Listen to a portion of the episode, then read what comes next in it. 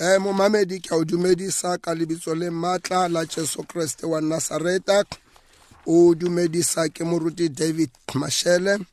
Ko dumedisa ke le mo radio pulpit re le mo moyeng. Eh ba radio pulpit ba santsane ba o rata. Mo o leng mo teng ko lapeng ko mosebetsing re re modimo wa ka a o hlonolofatse. Modimo wa ka a go etsetse ka go loka. Eh ka tseno setlo sa rena se mo bonolo because ka tseno re tlo bolela ka taba e botlhokwa e ke naganang gore e botlhokwa mo bophelong bo botlhe ebile hape-hape e botlhokwa mo lefaseng ka bophara. Re tlo bolela ka taba ya lerato.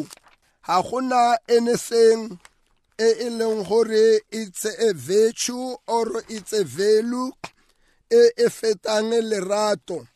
Lerato is very central mo maphelong a rona.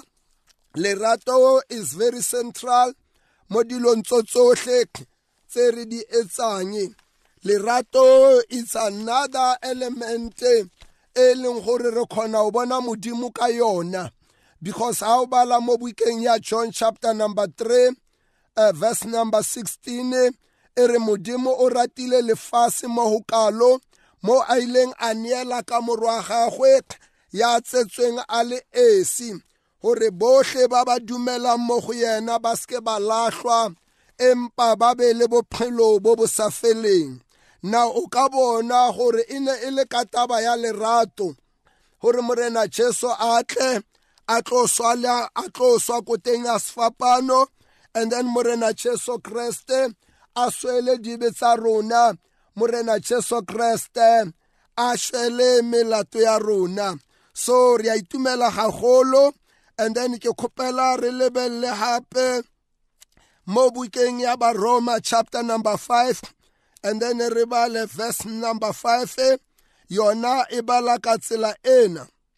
Now hope does not disappoint because the love of God has been poured out in our hearts by the Holy Spirit who was given to us. Now Bible e re tshepo ha e tlhabise ditlhong ka baka la gore lerato la modimo le tsholololetse mo dipelong tsa rona ka moya o o boitshepo yo modimo a re neetsweng ona. Now ha o le ngwana modimo automatically ha o amogela morena jesu eh le lerato la modimo le tla mo go wena. Now physically re na le o bolela gore is natural. Ha o belegwa o belegwa o na le se se o nang le sona kapa o belegwa o le se o leng sona. Go bjalo hape hape le mo semoyeng ha o amogela morena jesu o ba sebopiwa se sešwa ka baka la gore modimo ke lerato and then le wena o pholositswe ka baka la lerato la modimo. Le wena modimo o go fa lerato la haye ka moya wa haye gore le wena o kgone go ba le lerato le wena o kgone go ithata o kgone go rata le batho ba bangwe le wena o kgone gore o be le kgotso halleluja ha o ka lebelela ntho e farologanang batho kapa e irang e fapagantshang batho ke o hloka lerato. Ha ona motho wa nyakang go phela mo go senang lerato. Batho ba bangata re nyaka lerato batho ba bangata re tshwanetse re fane ka lerato. And that is why uh, ke bolela ke re lerato is a global unifier. Lerato le kopantsha batho ba lefase lo lotlhe lerato ha o bala mo bukeng ya bakuranta chapter number 13 o bala from verse number 14 to verse number 18 e bolela about all the elements tsa lerato. Halleluja ha lena jelase lerato ha le ikgohomose lerato ha le ipatlele lerato ha le fele pelo lerato ha le sa le bosula ba motho lerato le a kgotlela i mean we'll talk about that but ha re fetse mo bukeng e ya baroma verse number 6 e re for when we were still without strength in due time christ died for the ungodly. Ha re santsane re sena le thata. Re santsane re le bokoa. Re santsane re le baetsa dibe re sa tsebe modimo re sa itse re re ya kae ho iragalang ka bophelo. E re babele kreste jesu ya eba o shwela batho ba e leng gore ga bana modimo. Jesu o shwela hape o shwela baetsa dibe ba bohle now ha o bala verse number 7 e re for scarcely for a righteous man one will die. Yet perhaps for a good man someone will even dare to die. Hallelujah. Now e re bible hape hape e se ka nako tsotsohle motho o mongwe a ka leka gore a ka shwela batho ba bangwe mara empa fela for motho o a lokileng ba bangata ba ka leka gore ba mo shwele. You say some people they wish gore nkebe go tlhokofetse nna. Go na le gore go tlhokofale ngwanaka go na le gore go tlhokofale monna wa ka go na le gore o tlhokofaleng mosadi wa ka. Mara ba bangwe ba bolela bjalo it was not so real. Ga nkabe ba itse ba re make a choice gore re bolela o ore wena. Nkebe o mongwe a ile a re i'm sorry. Maybe ne ke santsane ke tshogile maybe ne ke santsane ke sešo empa mo e re babele ha o bala verse number 18 but god demonstrated his own love towards us in that while we were still sinners christ died for us. Hallelujah. E re bible empa modimo god himself demonstrated his love. Hallelujah. Ka gore ha re sa le baetsa diebe morena jesu kreste a re shwele koteng ya sefapano. Ngwaneso e re ke o bolelele lefu la morena jesu e ne e le a demonstrated ya ya lerato la modimo. Halleluja modimo o ne a bontsha the way a re now make no mistake. Ha ona motho a ka re modimo a sanye a mo rata. Halleluja ha e ka ba o nana gore modimo a sanye a o rata go raya ga o le. O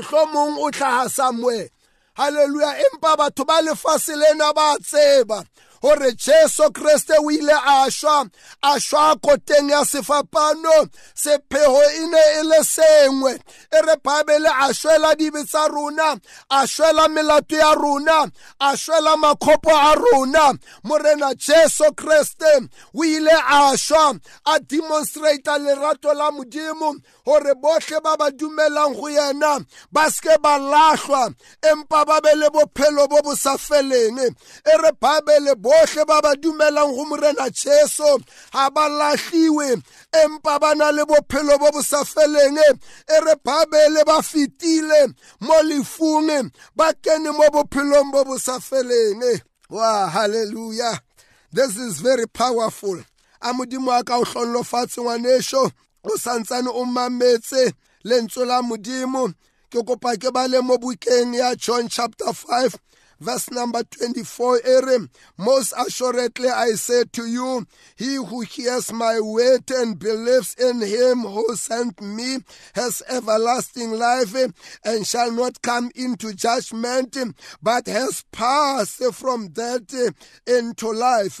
Most assuredly i say to you the hour is coming and now is when the dead will hear the voice of the son of god and those who hear will live for as the Father has life in himself, so he has granted the Son to have life in himself and said, and has given him authority to execute judgment also because he is the Son of God.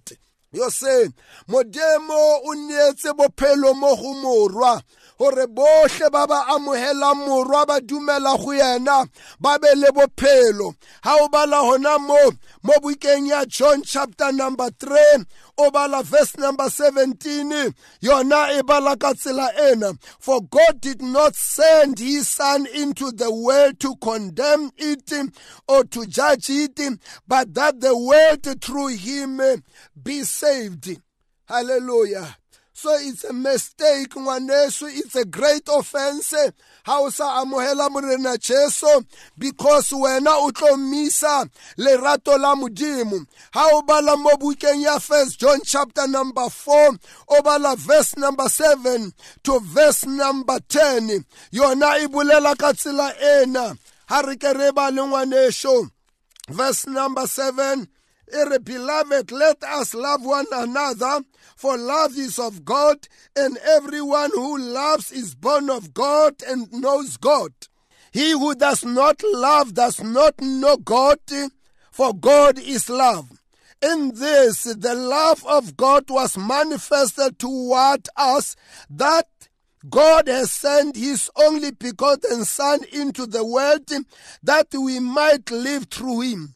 And this is love, not that we loved God, but that He loved us and sent His Son to be a propitiation for our sins.